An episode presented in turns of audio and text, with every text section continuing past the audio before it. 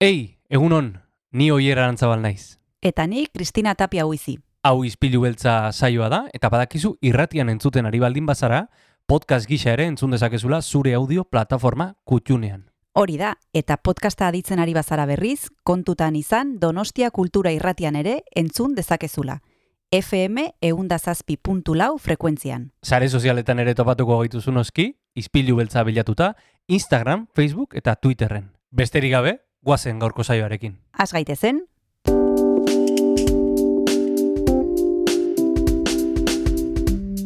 Ispilu beltza. Donostiako kulturaren berri, Oyer Arantzabal eta Kristina Tapia buizirekin. Egun honen zule ustailak hogeita zei ditu azken txampa hasi dugu hemen, Donostia Kultura Irratian izpilu beltzean. Egun hon, Kristina. egun oier zer moduz, azken txampa, azken astea. Azken txampa azken astea, eta ikusten duzu bezala, entzut, entzuten duzu bezala, nire hautsa bere onera etorri da. bai, kostatu Az- zaio. azkenean. Egia esan, izan ditugu entzuleak, e, etzaituztenak ezagutu, esan behar dugu. Bai, ez da, ez- esatenak aizu, eh, nor da hau? Eh? No, Mm-hmm. Nor eh, fitxatu duzu, eh? Ahots sakon horrekin. Bueno, eh, ez dakit onerako latxarrerako, baina itzuli zait lengua ahotsa. Eta lengua ahotsarekin batera, bueno, ba, gogoak azken txapa honi egiteko, eh, goazen hitz egitera gaur zer daukagun. Bai, gaur eh, saio oso polita izango dugu, izan ere Victor Pablo Pérez etorriko zaigu izpilu beltzara, bera joven orkesta de Canariaseko zuzendaria da, eta Victoria Eugenia Antzokian eskeniko dute kontzertua justu gaur, arratsaldeko zazpiterdietan, eta zuzendaria gonbidatu dugu. Primera, naizu, eh, Orkesta de Canarias, Victor Pablo Pérez, gaurko espilu beltzean gustorariko gara berarekin kontu eta kontari eh, ba, musikaren inguruan, eta gainera zinemaz ere itzengo dugu kresalako lagunekin, Pedro Saldaña etorriko zaigu. Bai, aste artea da badekizu entzule eta aste artetan gonbidatzen ditugula Kresala Zineklubeko lagunak, badekizue baita ere uztaian ez daukatela saiorik, baina Pedro Saldaña gonbidatu dugu eta berak hitz egingo digu Tarantino eta Berlangaren eh, zinemagintzaren inguruan. Mm, gustorazko ere Pedro Saldañarekin, goratuko du gainera Jon Gartzia ere beti bezala, izango dugula musika ederra pintxatzen, eta agian berarekin hasiko gara. Hori da, guazen gaurko saioarekin. Guazen.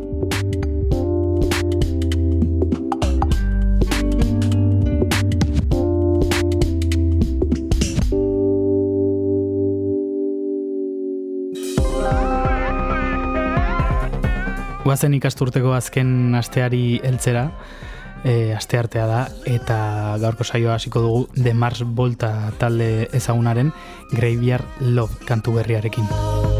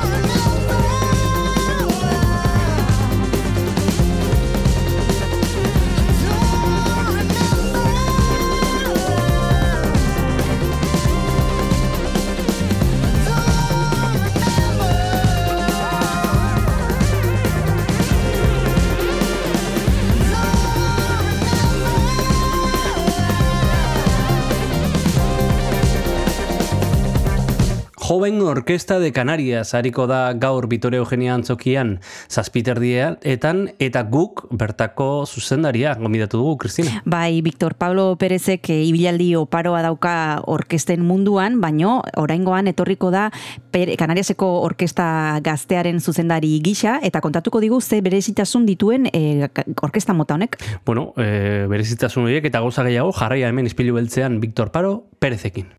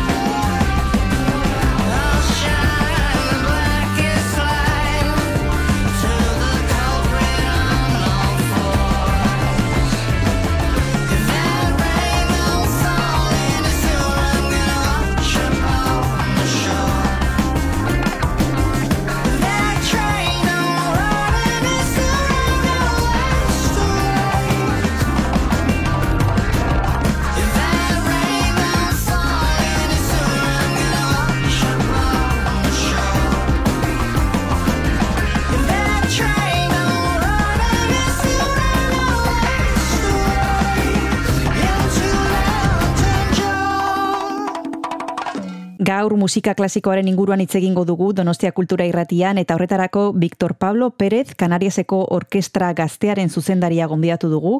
Kontzertua eskainiko baitute Victoria Eugenia Antzokian uztailaren hogeita zeian izango da. Egunon, Victor Pablo, ¿qué tal estás? Hola, muy buenas tardes, encantado de hablar. Bueno, lo primero de todo que nos gustaría saber es qué nos vais a ofrecer en el concierto que habéis preparado, como hemos dicho, que va a ser el, el 26 de julio en el Teatro Victoria Eugenia. ¿Cuál es el repertorio? Bueno, vamos a interpretar eh, dos obras en el programa, dos obras muy importantes. Por una parte, el concierto para violín de orquesta de Tchaikovsky, con un solista realmente de excepción, que es Nemanja Radulovic, que es uno de los que está de los jóvenes talentos que están grabando con la Deutsche Grammophon en estos momentos y es un personaje además muy especial. Eh, creo que es serbio croata, si no me equivoco, tiene una vida muy especial, pero vamos, es un solista realmente de primerísimo nivel internacional. Y luego vamos a también a interpretar la sinfonía número uno de Mendelssohn, es una sinfonía de ese Mendelssohn más juvenil y que está casa muy bien pues con este carácter de una orquesta joven.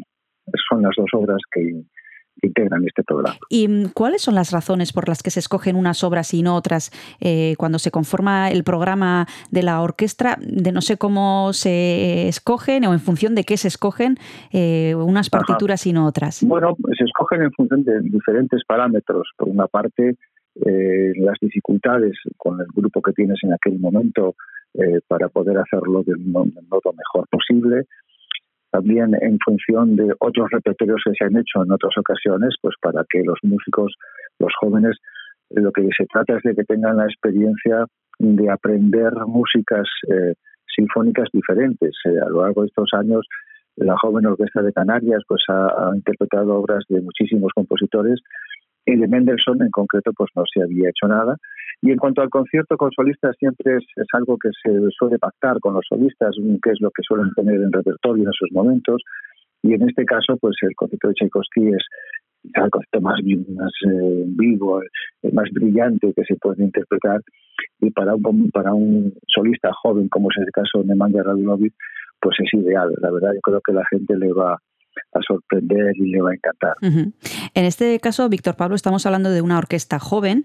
Eh, aquí también tenemos eh, una orquesta así, pero me gustaría saber cuáles son, en tu opinión, las características que definen a una orquesta compuesta por, por músicos eh, jóvenes. Bueno, una orquesta joven lo que tiene básicamente es muchísima energía, unas ganas locas de, de hacer música y aprender y por lo tanto una ilusión impresionante de cara a cualquier repertorio. O sea, la rutina en la orquesta joven no existe nunca, todo es novedad, todo es feliz, todo es... eh, eh, recientemente acabo de hacer un, concierto con la Orquesta Joven de Galicia, eh, en el Festival de Granada con un programa dedicado a John Williams con su 90 aniversario, con todas esas músicas tan maravillosas de cine, eh, La Guerra de las Galaxias, La lista de Schindler, y, todas esas películas realmente sorprendentes. Y ha sido realmente pues eh, un- una experiencia maravillosa. En este caso, la Orquesta Joven de Canarias, aparte de esta gira que vamos a hacer eh, por todo el País Vasco, Luego nos vamos a juntar con la EGO, con la Orquesta de Jóvenes de, de Euskadi, para un proyecto realmente sensacional, maravilloso, que es conjuntamente poner en, en pie la tercera sinfonía de Mahler. Es una sinfonía en la que el compositor intenta plasmar lo que es la vida, lo que es toda una vida. Mm, Él mismo dice, no sé si me saldrá bien, pero, pero hizo una obra realmente maravillosa, una obra de más de una hora de duración. Y bueno, esto se va a interpretar el día 5 de agosto en, la quincena de Donostiarra, en el Cursal de San Sebastián, y será pues una ocasión de juntar esas dos jóvenes orquestas, el potencial de ambas, para bueno pues conseguir poner en pie una sinfonía tan impresionante, tan importante como es la tercera sinfonía de Mahler, junto a Rosendo Donostiarra y creo que a Rosendo Chiqui. Ujú. Cuando hablas de ilusión y de frescura, de ganas, ¿eso significa que las orquestas adultas carecen o no tienen tantas eh, como, como hemos dicho que tiene una orquesta joven? Pues es así, o sea, realmente las orquestas adultas, las orquestas profesionales, eh, cada semana cambian su programa aproximadamente, hay algunas que incluso más, ¿no? Y están a veces pues un poquito saturadas de algunas músicas, han tocado ya muchas veces la quinta de Beethoven y la quinta de Mahler y la, y la tercera de Tchaikovsky, en fin, y tienen menos, menos fuerza, menos ilusión. Las orquestas jóvenes, en todo el repertorio es siempre nuevo, todo es ilusionante, todo es lleno de energía. Ah, Incluso hay que re- reprimir un poco esa energía, ¿no? Para controlarla, ¿no? Si algo hay que decirles es control, control, control, porque eh, por su parte darían muchísimo más todavía de lo que es normal, ¿no? Es muy ilusionante y yo, la verdad, después de tantos años dirigiendo, llevo 40 años dirigiendo orquestas profesionales, he sido titular de cuatro orquestas en, este país, eh, titular durante 40 años ininterrumpidos, y ahora este trabajo en estos meses con orquestas jóvenes para mí de una ilusión impresionante porque es que revitaliza a cualquiera.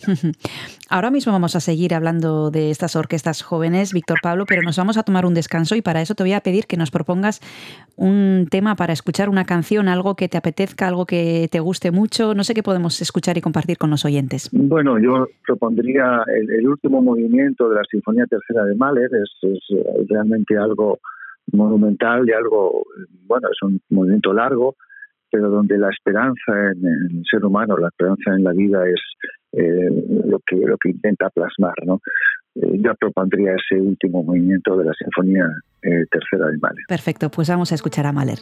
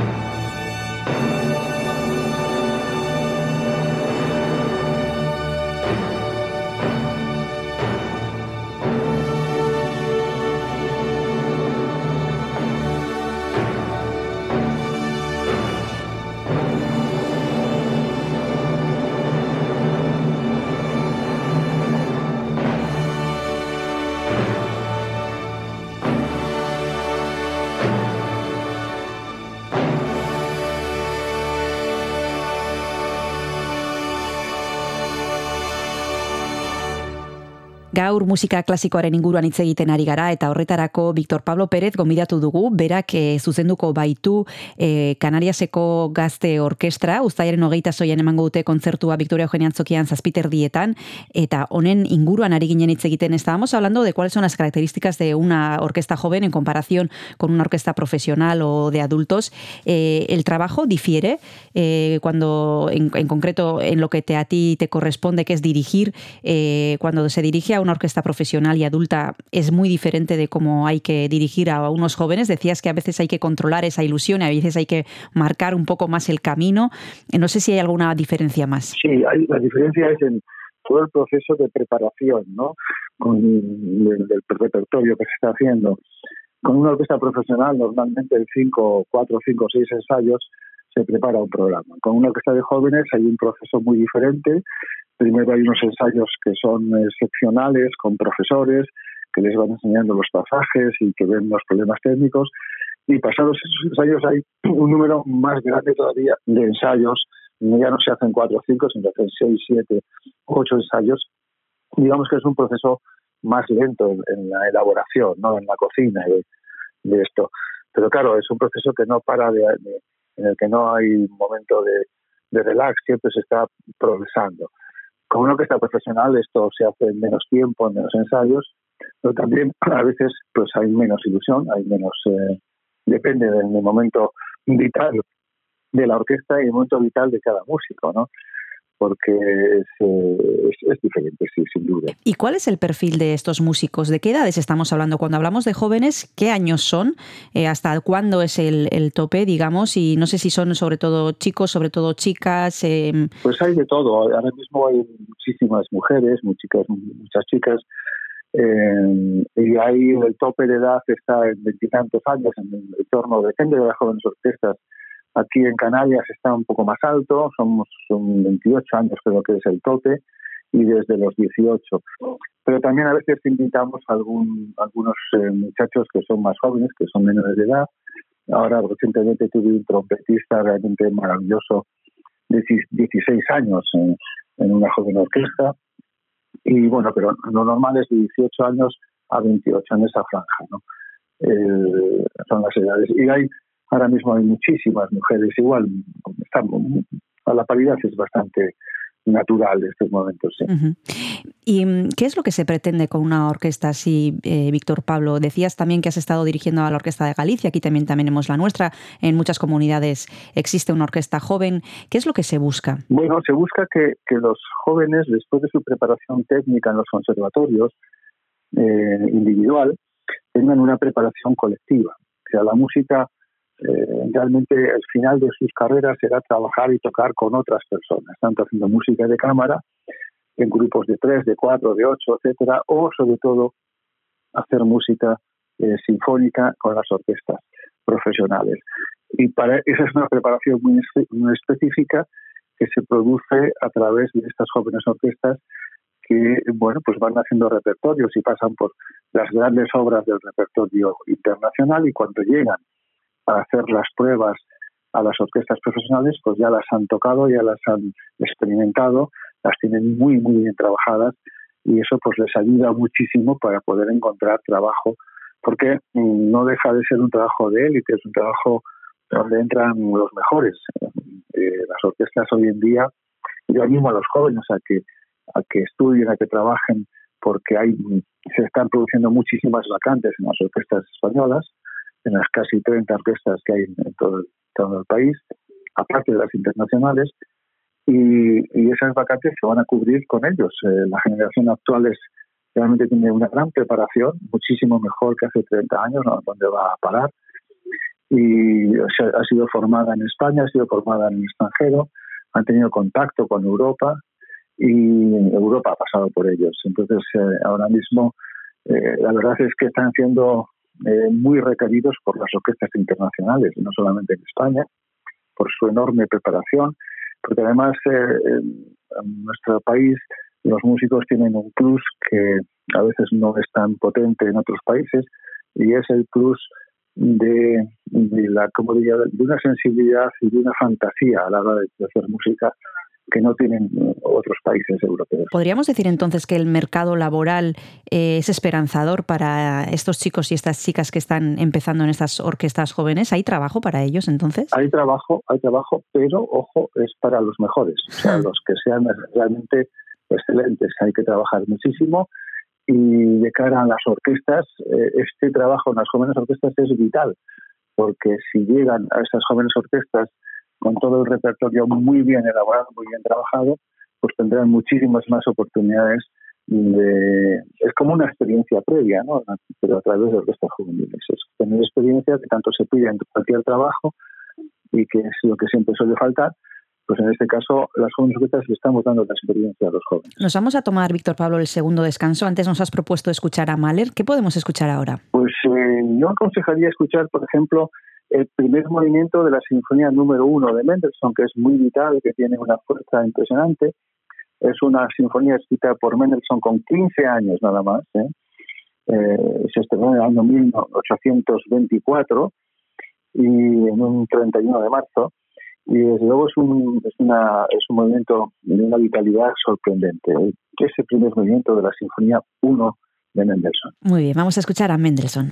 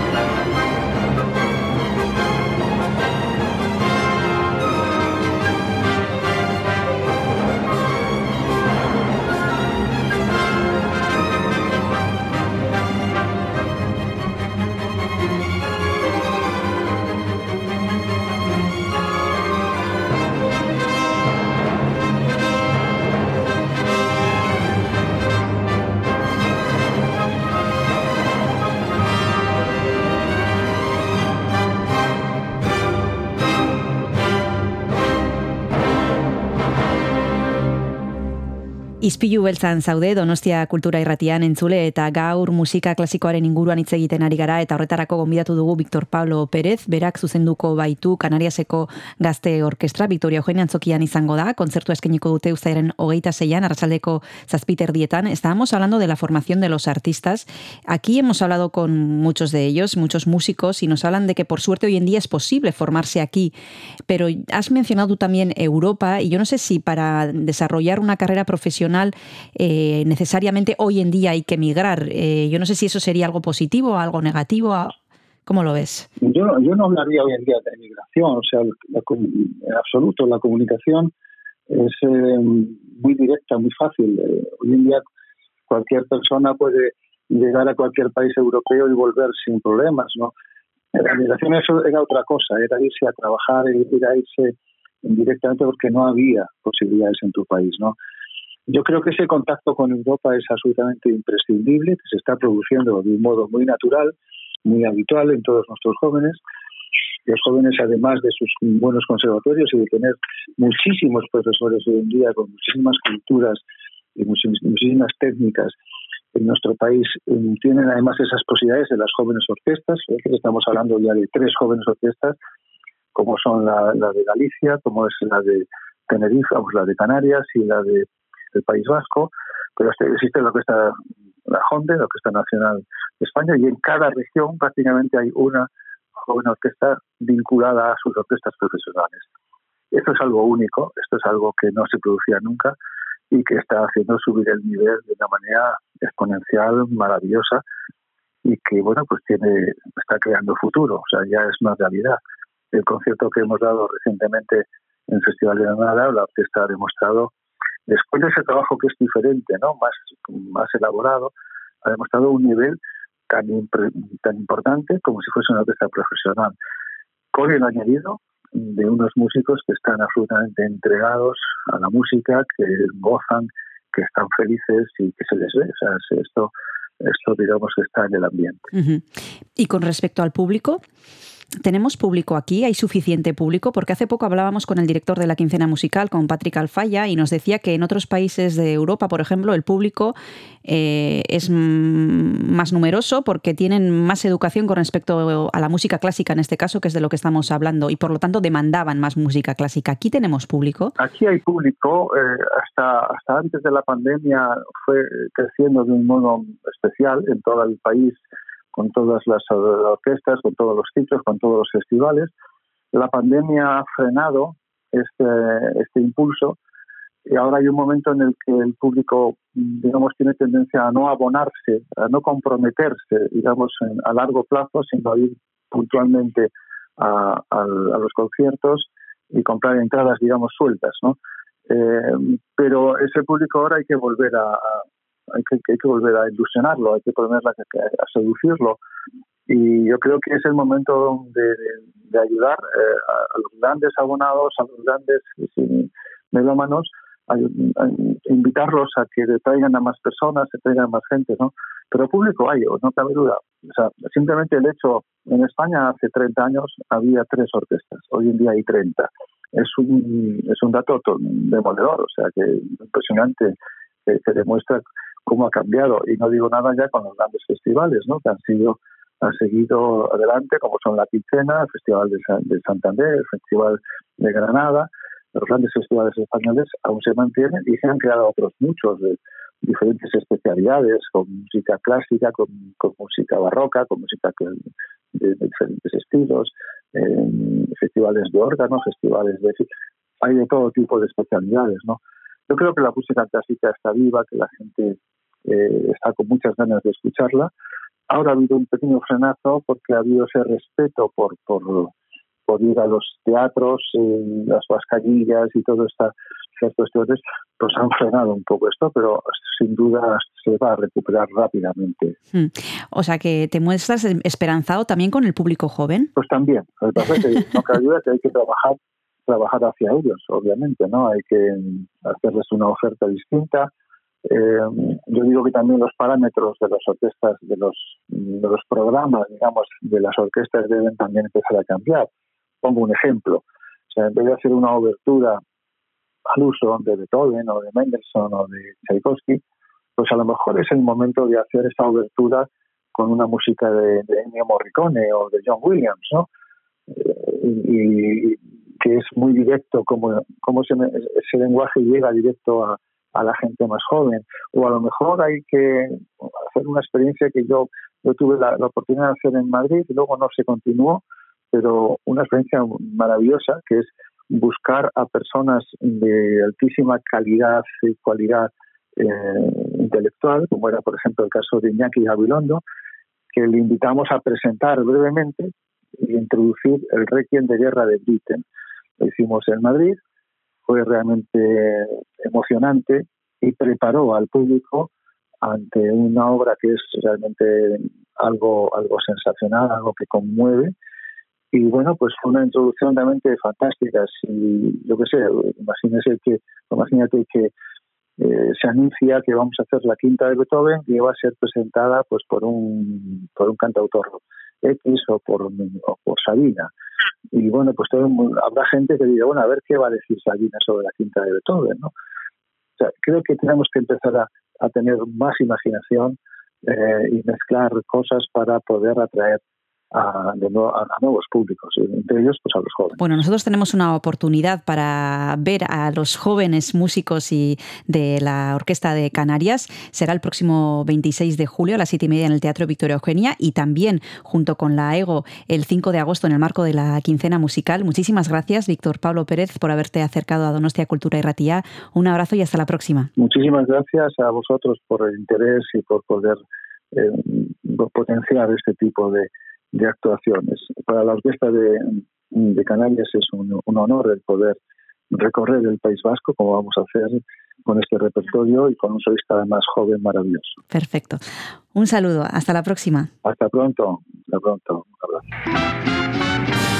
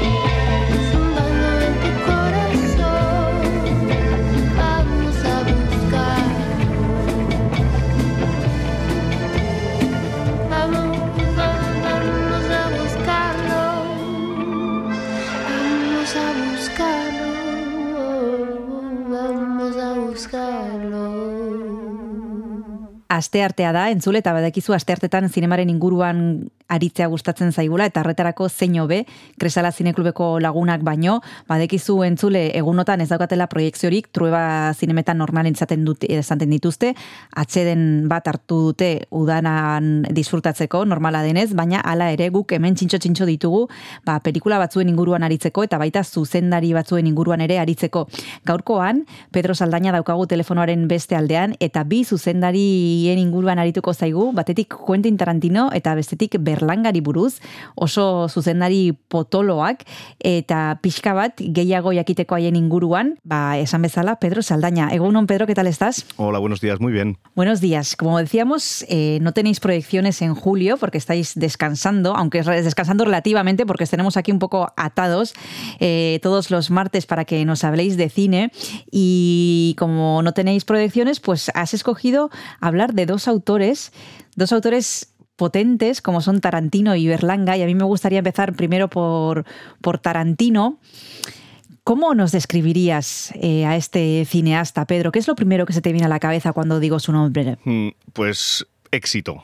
Eh, a mí me gusta mucho porque es un cineasta que yo valoro muy positivamente en el sentido de... eh, conoce perfectamente las leyes de- del cine, del lenguaje cinematográfico y las explota, en mi opinión, como, como muy pocos de- de los que quedan hoy en día. Y luego además hace un cine que a mí me atrae mucho. Hay géneros que, que a uno le gustan eh, más que otro. Es verdad que ha cultivado varios, pero la- las películas de Tarantino me parecen, bueno, pues un, un acontecimiento al que siempre, siempre que puedo voy a ver eh, el día del estreno y si puedo a la primera sesión. Sí, porque se ha convertido casi en sí mismo un género, ¿no? Eh, ya es como un mm, sello que el que tiene él tan particular y tan característico que sus películas las podríamos reconocer eh, casi pues a distancia, podríamos decir, ¿no? Eso es difícil de conseguir. eh, un autor que, que haga unos trabajos, eh, bueno, pues que tengan esas características tan marcadas y con ese nivel siempre casi todas. Sí, desde luego. Realmente eh, es un director para mí. Todas sus películas, la que me gustó menos en su día fue Dead Proof, pero la volví a ver hace, hace no mucho y bueno, la verdad es que pude ver las virtudes de, de- de Tarantino, esos diálogos eh, interminables, esas secuencias también eh, muy, muy, muy largas. eh, no, no son películas, algunas de las suyas, con, con muchas secuencias.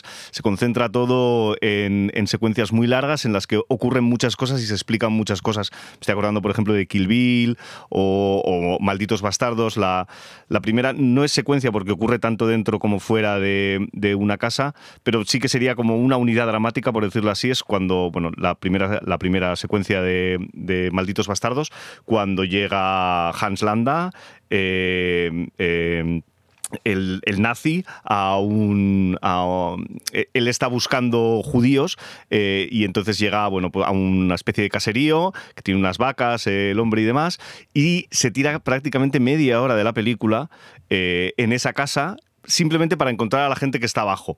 Y cómo estira el tiempo, también aquí habría que empezar a decir de dónde bebe eh, Tarantino, aparte del cine de Kung Fu, etcétera.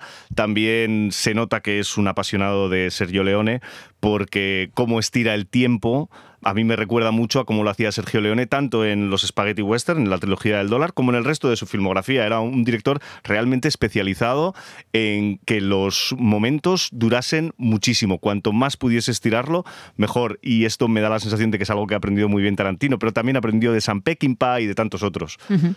Pues si te parece vamos a ir desgranando poco a poco su filmografía, pero antes nos vamos a tomar un descanso y para eso te voy a pedir que nos propongas una canción. ¿Qué podemos escuchar, Pedro? Mm, Pues de la banda sonora de Eras una vez en Hollywood, eh, Bring a Little Lovin' de Los Bravos. Perfecto, pues vamos con ello. goes on. KHJ Los Angeles. 331 in Los Angeles. This is the real Don Steve. I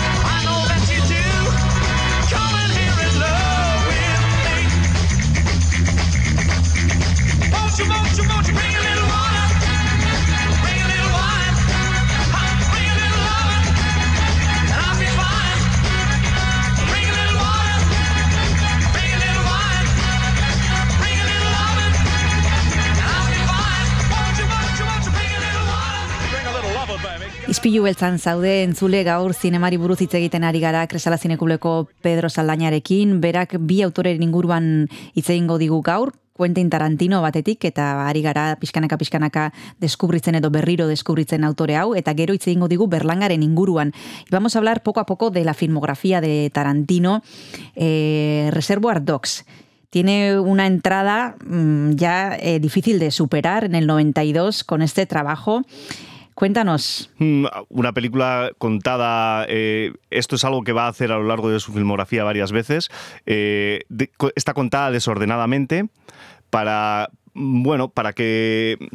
Para que la, la- trama, eh, quiero decir, hay películas que si las cuentas todas ordenadas dejan de tener sentido. Estoy pensando, por ejemplo, en otra de Sergio Leone, Érase una vez en, en América. Es una película cuya primera versión los productores creyeron que era buena idea montarla de manera lineal, pero era una, una película pensada para ir inter- intercalando los flashbacks. Entonces, si haces eso, pierde absolutamente todo el sentido de la película, no se entiende nada, queda como muy obvio.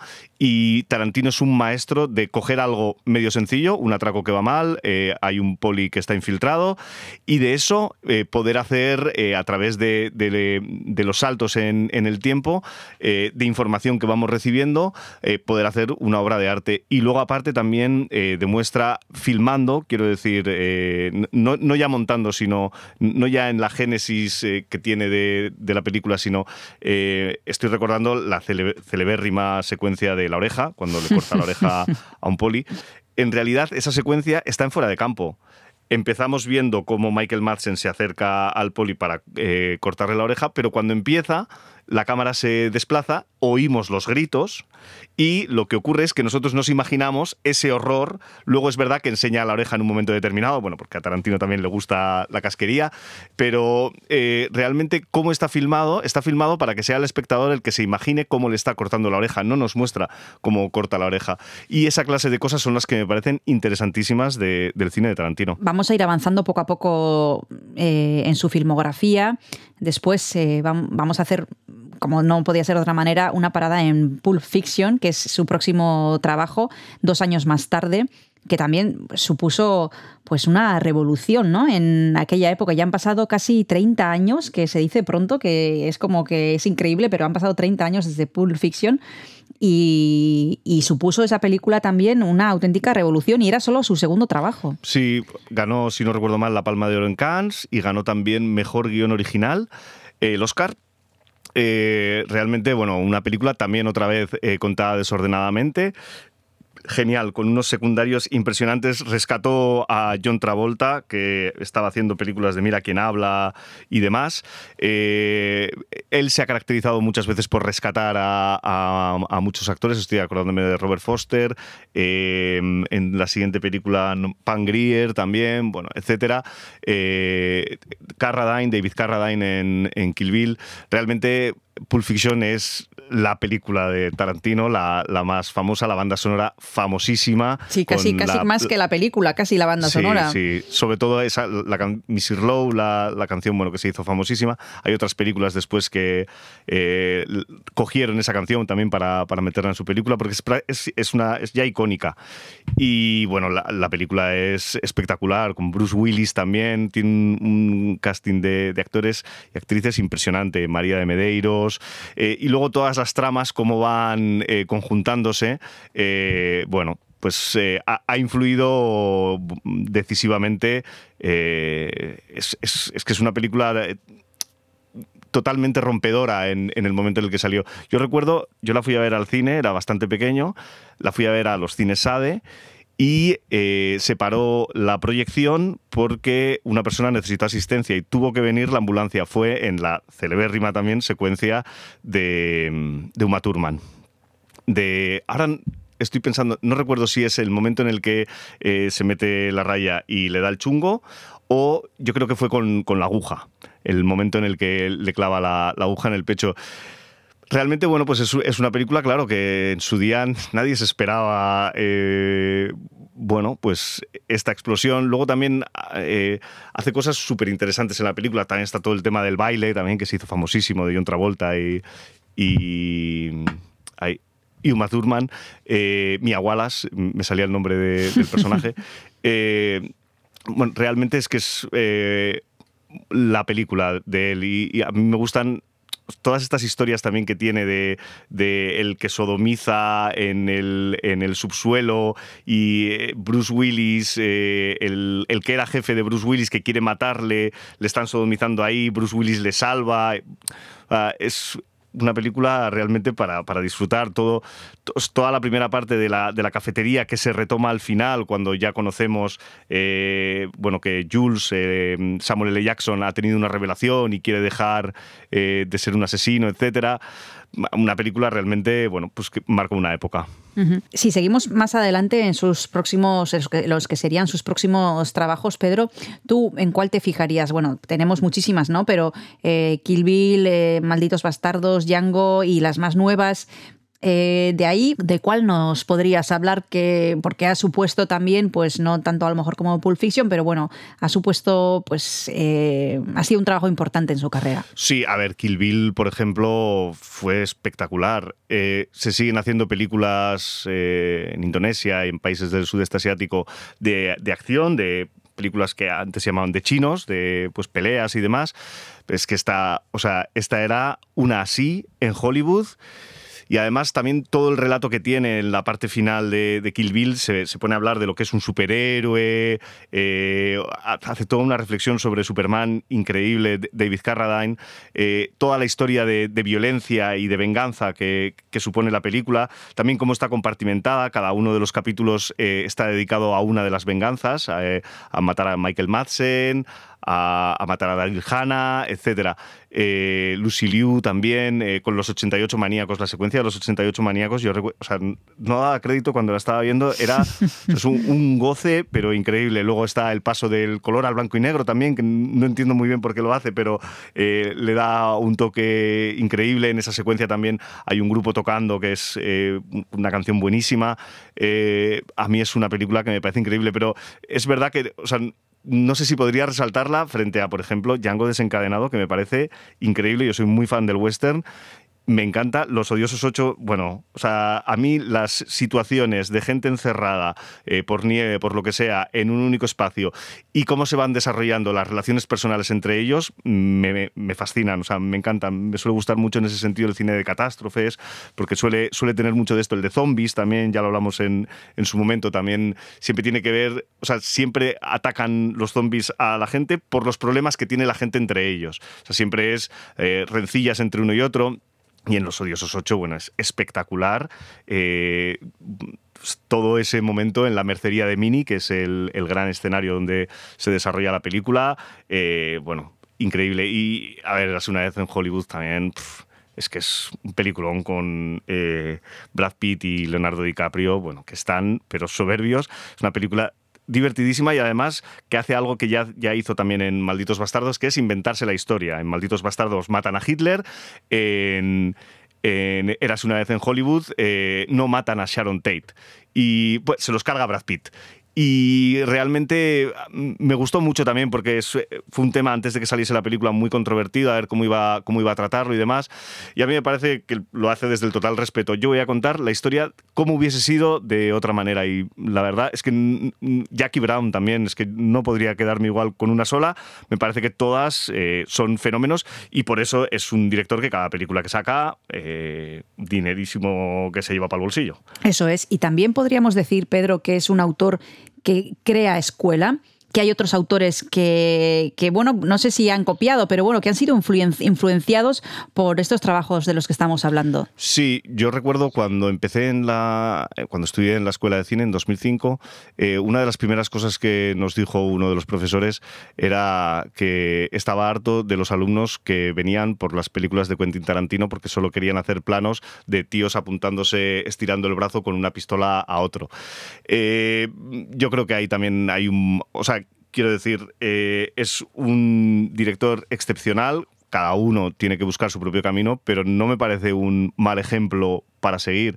Eh, hay otros directores, por ejemplo, me estoy acordando de Michael Mann, eh, la película Hit, que también va de un atraco, un poco como eh, Reservoir Dogs, pero eh, es que no tiene absolutamente nada que ver porque es Michael Mann, cuenta otra historia desde mucho antes, o sea, el atraco se ve perfectamente, le, le interesan mucho más las escenas de acción pura y dura. Tarantino normalmente funciona por explosiones de violencia, o sea, está todo muy contenido y de repente ¡buah! 25.000 tiros y de repente se vuelve a parar todo.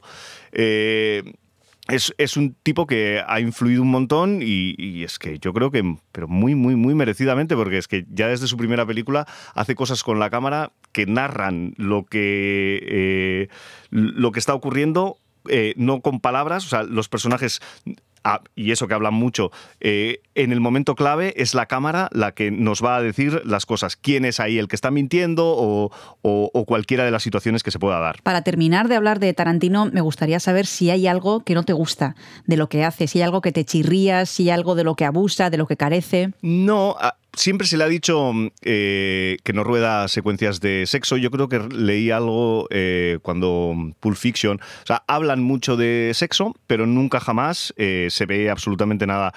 Y en ese sentido tampoco lo echo de menos. Hay muchos otros directores que optan por, pues yo qué sé, pues por ejemplo, por una, por una secuencia de sexo que puede tener su importancia en, en la película, pero en las, las películas de, Quentin Tarantino estoy recordando, por ejemplo, a María de Medeiros y Bruce Willis. Bruce Willis le hace un cunilingus, pero en ningún momento aparece en pantalla. Hay una elipsis para, eh, para narrar esto, entonces eh, es un...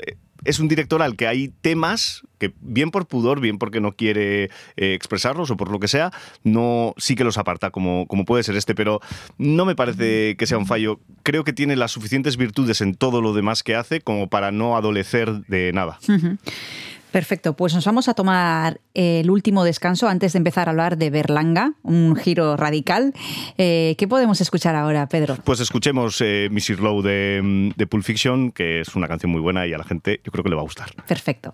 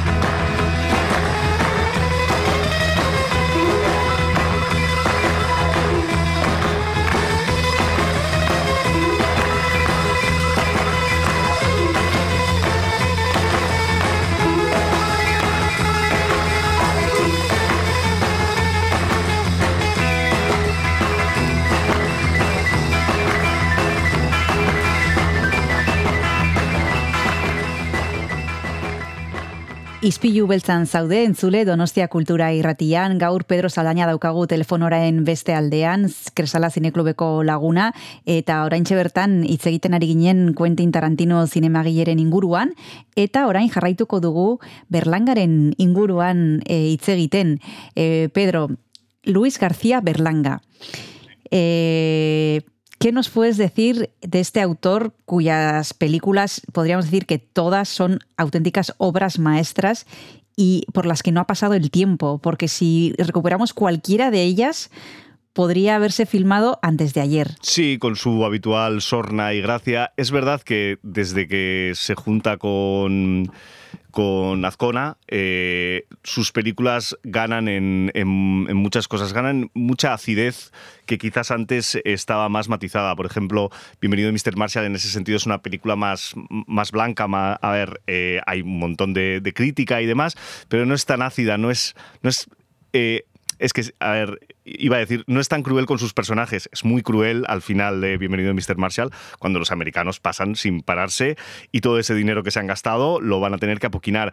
Pero es que en Plácido, en, en El Verdugo y de ahí en adelante, o sea, el nivel de, al que llega con sus personajes es. eh, los, los maltrata mucho más. Eh, realmente sí, es, es un autor, a mí me gustan prácticamente todas sus películas. En Cresala echamos el año pasado, que era el centenario del nacimiento, una, eh, que era Calabuch. Porque eh, su filmografía, o sea, la parte más conocida es a partir de, Plácido. Pero tiene unas cuantas películas anteriores que no están nada mal, quitando Bienvenido Mr. Marshall y esa pareja feliz, que esas sí que son bastante conocidas. Pero, por ejemplo, Novia a la vista no es una película muy conocida y tiene. Es una película bastante original en la que un grupo de niños eh, em, se reúnen cada verano en el, en el balneario, bueno, ahí en Guardamar, eh, donde van a, a veranear. Y, bueno, justo ese año a la niña, a la niña mayor, pues que tendrá 13 años, una cosa así, le dicen que se tiene que poner un vestido y que tiene que ir con los mayores porque tiene que bailar con un ingeniero con el que, con la que le quieren casar. Eh, el resto de niños se entera organizan un motín y se van a las ruinas del castillo, se atrincheran allí, o sea, esto en- es una película ah, de 1954, se atrincheran, dicen que no y que eh, a no ser que le dejen eh, volver a ser la niña que era, eh, no saldrán de ahí. O sea, se amotinan, por decirlo así. Es una película también que me parece súper original, es un poco naif en muchos aspectos, pero pues, que es, una película increíble de nuestro cine que no, no está muy, muy valorada, como sí que lo está también, quizás porque son mucho mejores, ¿eh? tanto Plácido como por ejemplo El Verdugo. Pero Los Jueves Milagro también, una película en la que otra vez un balneario que tiene un agua milagrosa decide inventarse la aparición de un santo para así relanzar el turismo. Es que no puede ser más moderno y más actual. O sea, es que lo, lo que tú has dicho al principio es realmente un tío que sus chistes perduran en la historia, no, no. Sí, bueno, de hecho, eh, se ha convertido hasta en un sinónimo, ¿no? Berlanguiano, eh, ya que describimos las cosas así. ¿Cuáles son las características eh, principales de este autor? Algunas ya las has citado, la sorna, la acidez.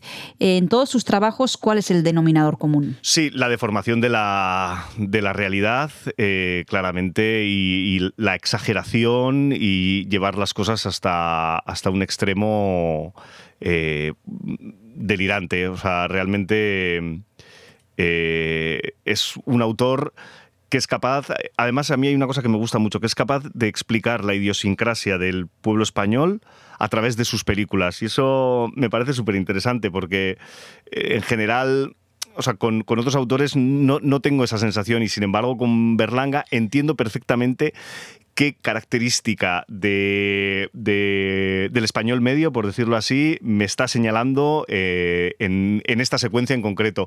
Y realmente, bueno, pues que yo adoro la comedia y a mí me encanta Lubitsch y me encanta Chaplin y todos los clásicos, pero a Berlanga le tengo un cariño especial porque los chistes, muchos de los chistes que él hace, eh, los siento como muy cercanos a mí, por decirlo así, y eso me hace conectar muy fácilmente con él. Aparte, bueno, pues eh, películas como La Vaquilla o La Escopeta Nacional que nos ayudan a entender eh, un poco los distintos contextos, eh, cómo funcionan las relaciones en las altas esferas o, o cómo se desarrolló la guerra civil desde un punto de vista cómico, que evidentemente una guerra nunca tiene nada de cómico, pero Berlanga no va a hacer un drama, entonces...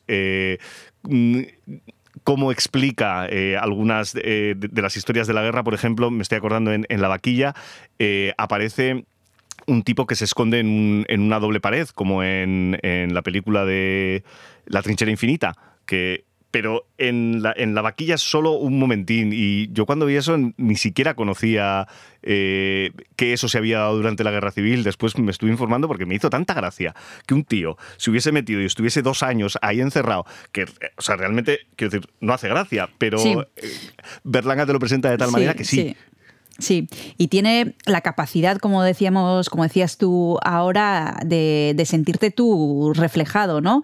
Eh, es como que nos tiene cogido, cogida la medida y, describe perfectamente cómo somos y cómo actuamos. Y cuando ves sus trabajos, dices, es que esos somos nosotros y te ves totalmente reflejado. Eso es un don eh, que muy poca gente tiene.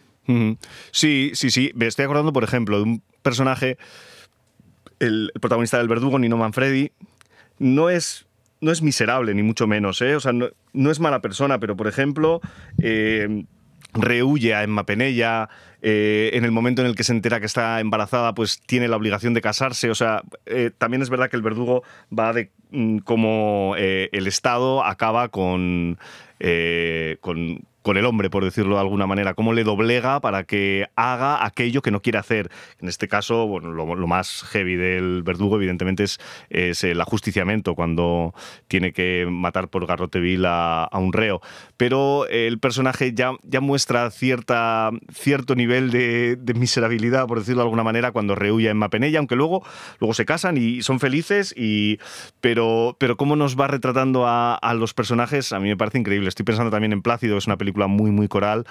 Eh, que también, bueno, pues la, la- miseria de la clase media alta o la clase alta eh, es increíble. Y ha- hay una película también bastante poco conocida, bueno, poco conocida, sí que es conocida, pero que no se destaca cada vez que se habla de, de Berlanga, que es Vivan los novios, eh, en la que José Luis López Vázquez durante toda la película, porque está rodada en Siches en la época del boom turístico, se pasa toda la película mirando, pero descaradamente a las guiris rubias, pero mirándoles las tetas, el culo. Eh, Él se va a casar con Lali Soldevilla.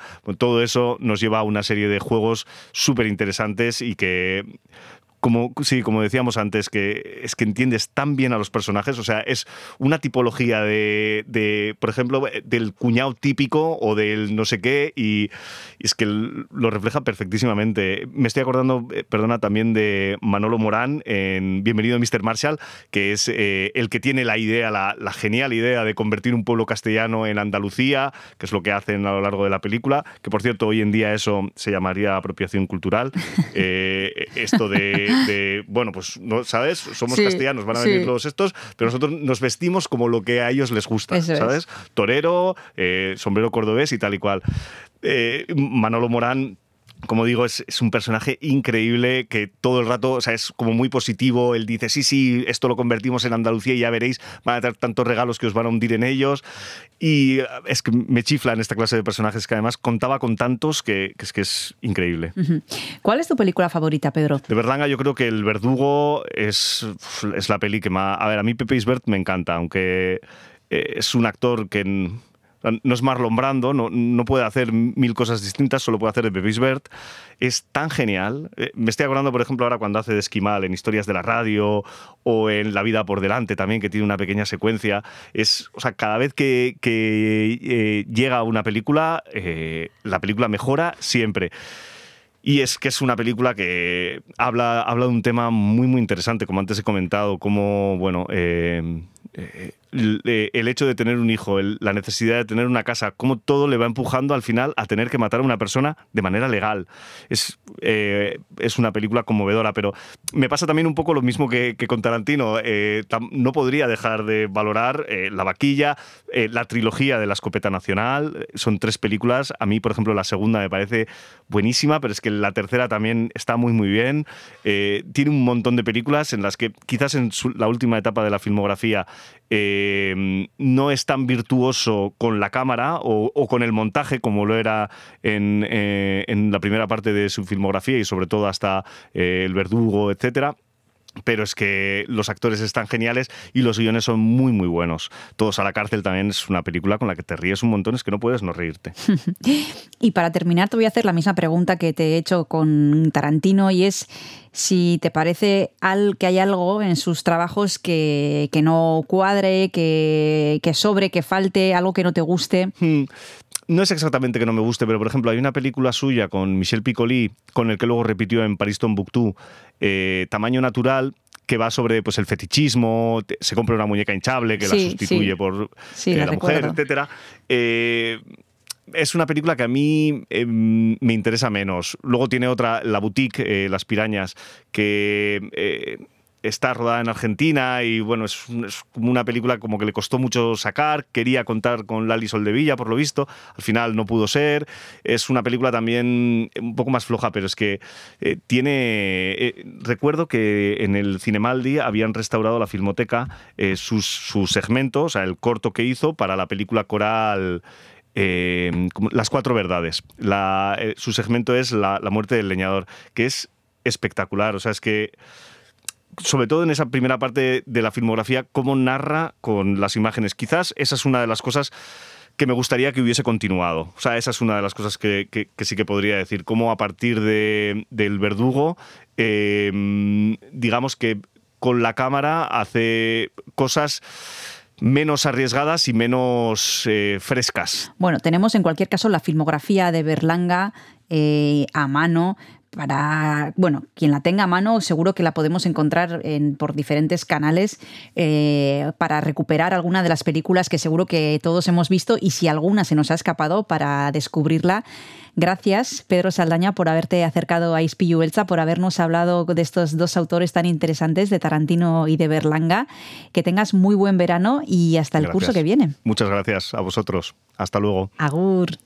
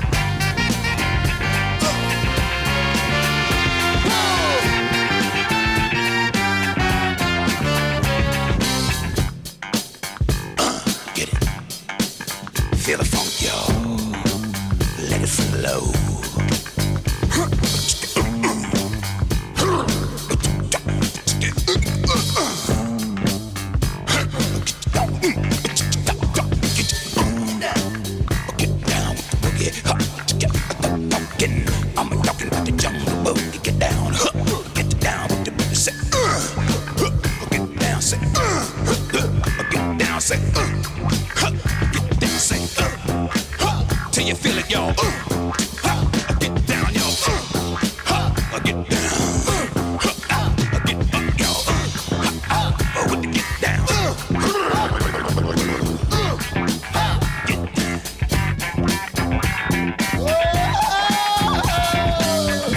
Amaitu dugu aste artea, amaitu dugu uztailaren hogeita zeia, eta beti bezala, ba, biharko egunari begira jarri behar gara. Bihar zer daukagu, Kristina? Bihar aktore puska bat izango dugu Donostia Kultura Irratian, Jon Plazaola, ez dago jende asko egoten dena hainbeste egun jarraian holtzaren gainean, eta Jon Plazaolak ganar irabazirekin egongo da hogeita zazpitik e, hogeita maikar arte, bost egun jarraian, batzu egun batzutan euskaraz, beste batzuk gaztelaniaz, eta iragarri digunaren arabera, bihar duzu elkarrizketa, Aitziber Garmendiarekin ere, urtarrilean egun mordoa izango da Donostian. Plazer bat izango da Jon Plazaolarekin hitz egitea antzeslan honen inguruan, horrez gain, beti bezala Jon Gartziaren musika ederra izango dugu, eta kontu kontariariko gara beti bezala, e, Donostia Kultura Irratian, eta audio plataformetan, bitartean e, ondo segi, eta bihar arte. Bihar arte, aio.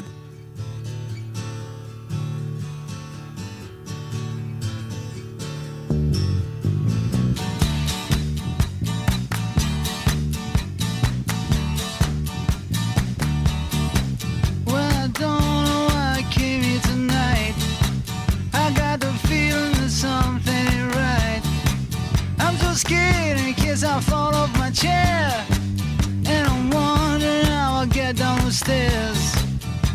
Clowns to the left of me, jokers to the right. Here I am, stuck in the middle with you. Yes, I'm stuck in the middle with you. And I'm wondering what it is I should do. It's so hard to keep the smile from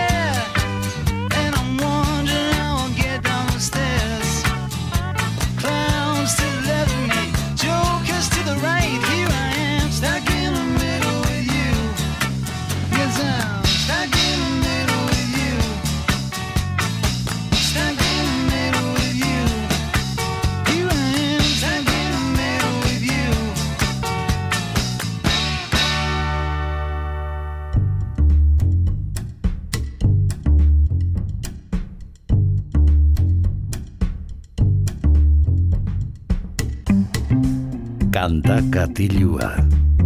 Jon Gartziaren eskutik. Kaixo entzule, ongietorri kantakati jura izpiu beltzari amaiera ematera goaz. Azken astea dugu oporra kartu baino lehen, baina iraian bueltan izango gara musika gehiagorekin, hori ez izan zalantzarik. Eta, bueno, momentuz e, jarraituko dugu diskoak entzuten, aste honetan. Gaurkoan Mainlander izeneko e, talde azpeitiarra ezagutuko dugu, haien lehen lanarekin, izen bereko lanarekin, eta alaxe hasten da Esterminioa izeneko kantuarekin.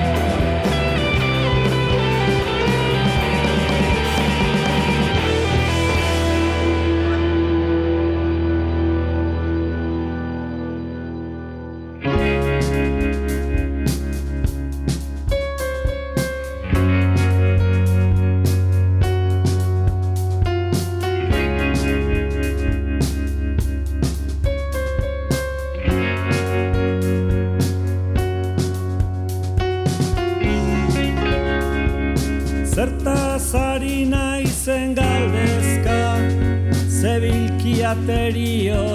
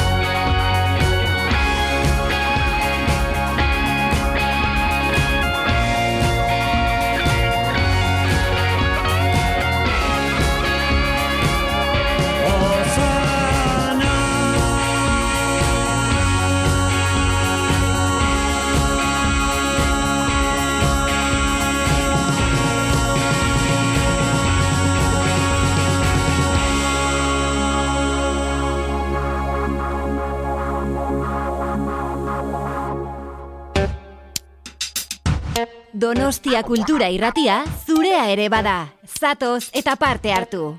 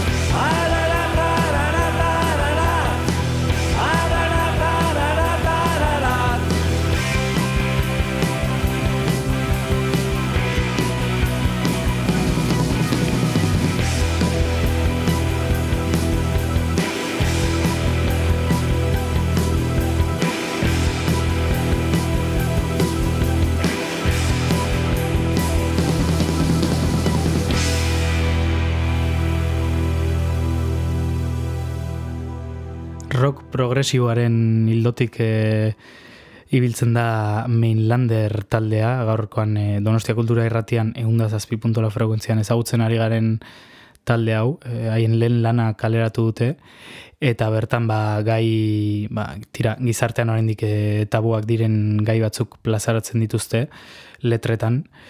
Orain txentzun dugu ararat izeneko kantua, eta entzuteragoaz azeria.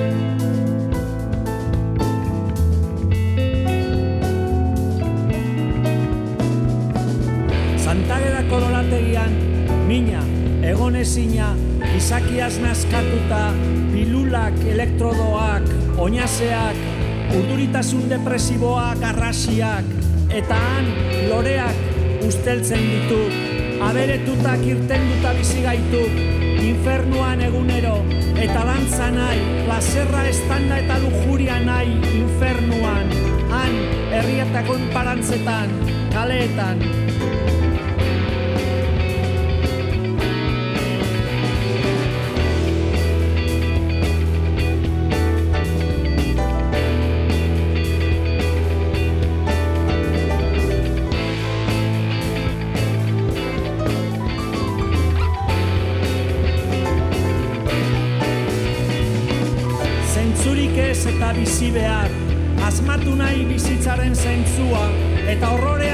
Dionisos lagun, kosmos desesperatuan bakarrik gaudek, harimak itota kaleetan, gaiztakeria hirietan, aberetutak irtenduta bizi gaitu, infernuan egunero, eta dantza nahi, plazerra estanda eta lujuria nahi, infernuan, han herrietako enparantzetan, kaleetan,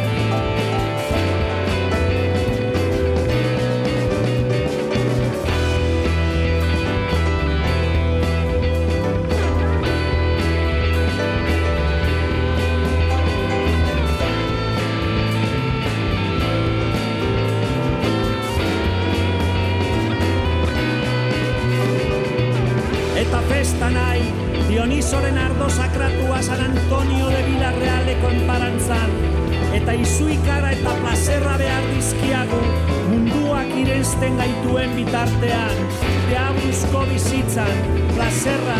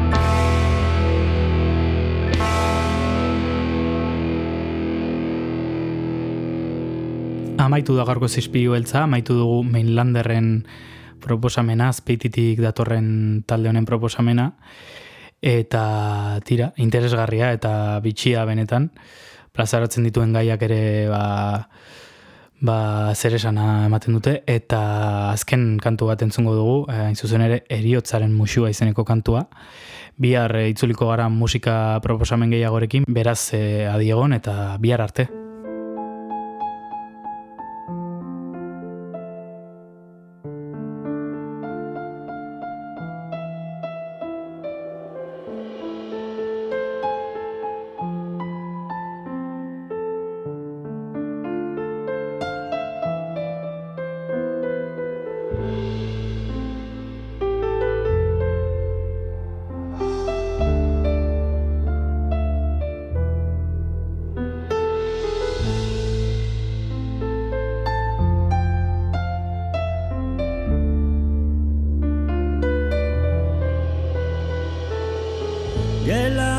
Aldetik begira Txorialaiak dizkik lagun Agurtzean aidik bizitza Hiltzean aidik goxo-goxo